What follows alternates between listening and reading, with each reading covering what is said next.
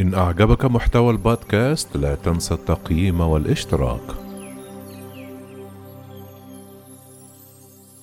اغتصاب جماعي وتكبين للطلاب داخل معسكرات الاعتقال في الصين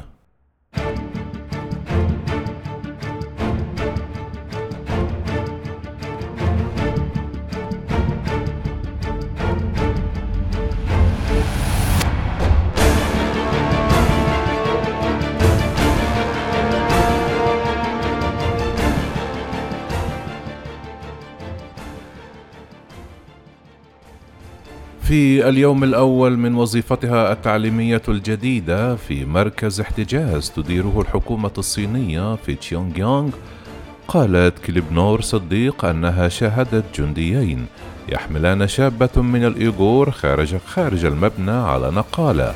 وقالت صديق وهي مدرسة ابتدائية سابقة. تقول إنها أجبرت على قضاء عدة أشهر في التدريس في مركزين للاحتجاز في تشيونغ يونغ في عام 2017 لم تكن هناك شرارة من الحياة في وجهها. كان لون خديها جافا ولم تكن تتنفس. أخبرتها شرطية كانت تعمل في المخيم فيما بعد أن المرأة ماتت من نزيف حاد رغم أنها لم تذكر سبب ذلك. كانت هذه هي الأولى من بين العديد من القصص التي كانت ترويها الشرطية لصديق خلال مهمة المعلم التي استمرت ثلاثة أشهر في المبنى شديد التحصين الذي كان يأوي المحتجزات.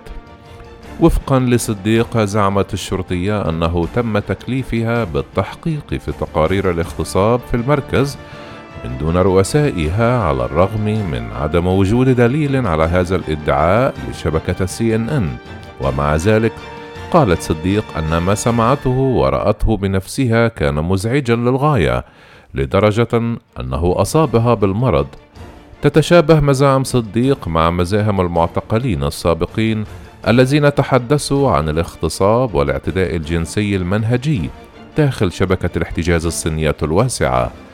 شهاداتها هي سرد نادر لتجربة العامل المباشر في الحياة داخل مراكز الاحتجاز حيث تزعم الحكومة الأمريكية أن الصين ترتكب إبادة جماعية ضد الأويغور والأقليات المسلمة الأخرى من خلال حملة قمعية من الاعتقال الجماعي والتعذيب وتحديد النسل القسري والإجهاض. ورفضت الحكومة الصينية مزاعم الإبادة الجماعية. وفي بيان لشبكة سي إن إن قالت لا يوجد ما يسمى بالاعتداء الجنسي المنهجي والاعتداء على النساء في تشونغ يونغ ومع ذلك قالت صديق أن ضابطة الشرطة وصفت كيف اعتاد زملائها الذكور على التباهي بهذا الأمر. وقالت صديق لشبكة سي إن إن من منزلها الجديد في هولندا عندما كان الحراس الذكور يشربون في الليل كان رجال الشرطة يخبرون بعضهم البعض كيف قاموا باغتصاب وتعذيب الفتيات المسلمات. داخل المخيمات نشأت صديق وهي أوزبكية من أصل أوزبكي. في تشونغ يونغ وقضت 28 عاما في تدريس طلاب المدارس الابتدائية الذين تتراوح أعمارهم بين ستة أعوام والثلاثة عشر عاما في سبتمبر من عام 2016 قالت إنها استدعيت إلى اجتماع في مكتب التعليم بمنطقة سيونغ وأخبرتها أنها ستعمل مع أمين.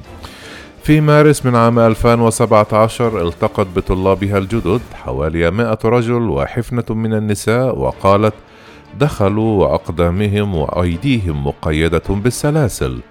قالت صديق في درسها الأول أنها التفتت إلى السبورة لتسمع بكاء المحتجزين ورائها وقالت التفت قليلا ورأيت دموعهن تتساقط على لحاهن والمعتقلات كان يبكين بصوت عال. وقالت إن المحتجزين الشباب الذين وصلوا إلى المراكز يتمتعون باللياقة البدنية والنشاط وبعيون مشرقة سرعان ما أصيبوا بالمرض والضعف من حجرة الدراسة في قبو إحدى المعسكرات. وقالت صديقة أنها تسمع صراخا بصفة مستمرة عندما سألت عن صرخاتهم. قالت أن شرطيا أخبرها أن المحتجزين يتعرضون للتعذيب. صرحت شبكة سي ان ان أنها ليست لديها أي وسيلة للتحقق من حساب صديق من داخل مراكز الاحتجاز ومع ذلك قال معتقلون سابقون في تشيونغ يونغ لشبكة سي ان ان أنهم تعرضوا للتلقين السياسي وسوء المعاملة ووصف الإيغور الذين يعيشون الآن في الخارج أن أقاربهم اختفوا في الاحتجاز.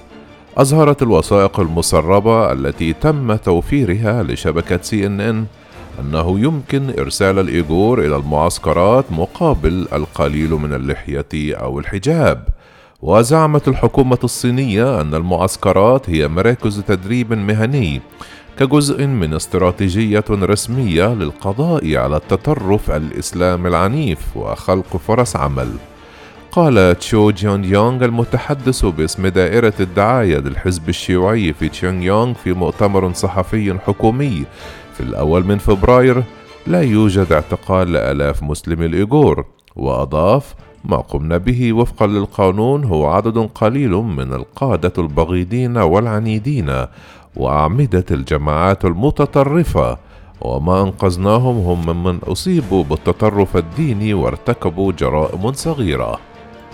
قالت تورسوناي زيادون أنها لم ترتكب أي جريمة عندما تم احتجازها لأول مرة في إبريل من عام 2017 بعد عودتها إلى منزلها في مقاطعة تشين يونغ في تشين يونغ للحصول على وثائق رسمية. كانت تعيش هي وزوجها منذ خمسة سنوات في قازاخستان المجاورة ولم يتم اعتقال زوجها لميرزا هاليك. وهو من أصل قازاخستاني وتعقبها إلى المدرسة المهنية في مقاطعة شينوان تحدثنا عبر البوابة الحديدية للمدرسة. قال زوجها متحدثا عبر الهاتف مع شبكة سي إن إن من قزاخستان بكت زوجتي بعد رؤيتي. قالت لي لا تخاف أنت لم تخرق القانون ولا داعي للقلق.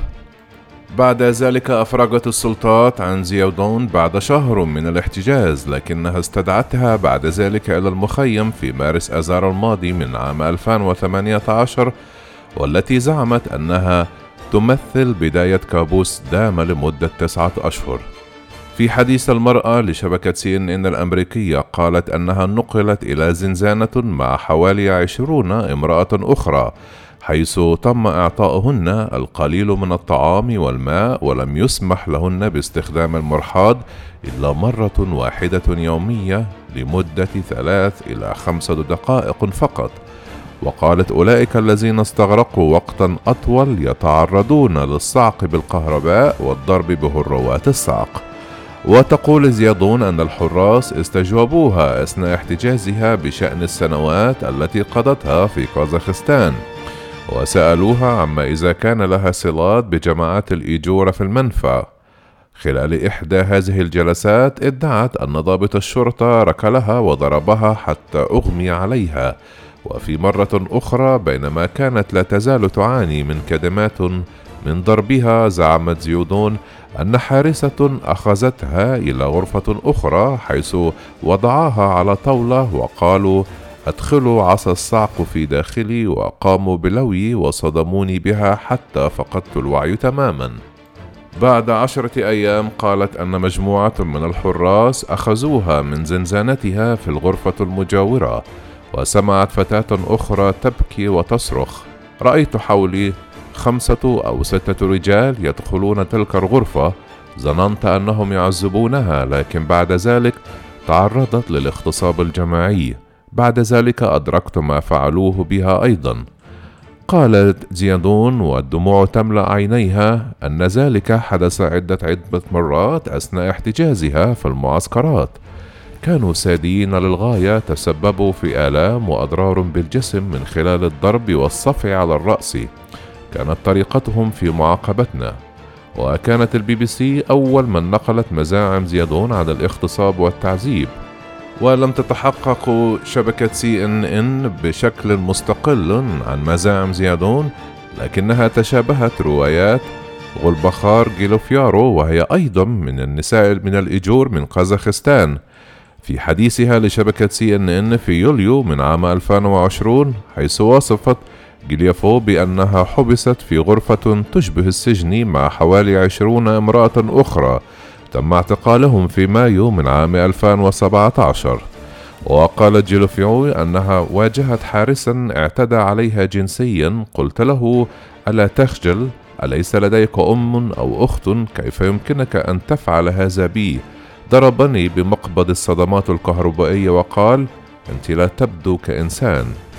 في الليل السادس والعشرون من سبتمبر أيلول من عام 2019 بعد أن حذرتها السلطات الصينية من التحدث عن تجربتها في الاحتجاز قالت زيدون أنها هرعت إلى قزاقستان لمقابلة زوجها.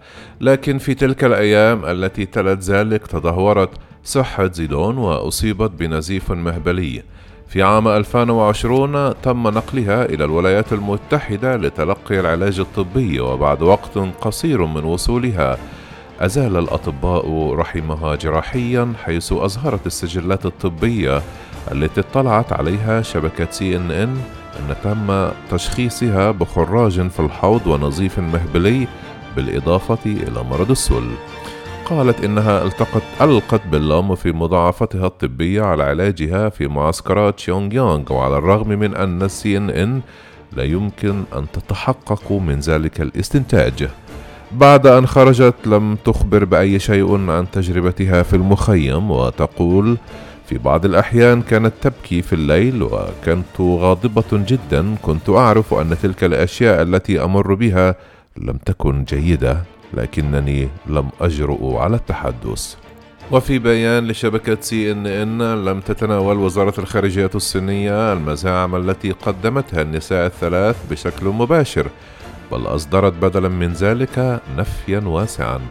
وقالت وزارة الخارجية الصينية نأمل أن تتمكن وسائل الإعلام المعنية من التمييز بين الصواب والخطأ والا تنخدع وتدلل بالأخبار الكاذبة والتقارير المتحيزة مضيفة أن مراكز التدريب لديها تحمي الحقوق الأساسية للمتدربين بما في ذلك النساء من التعرض للانتهاك.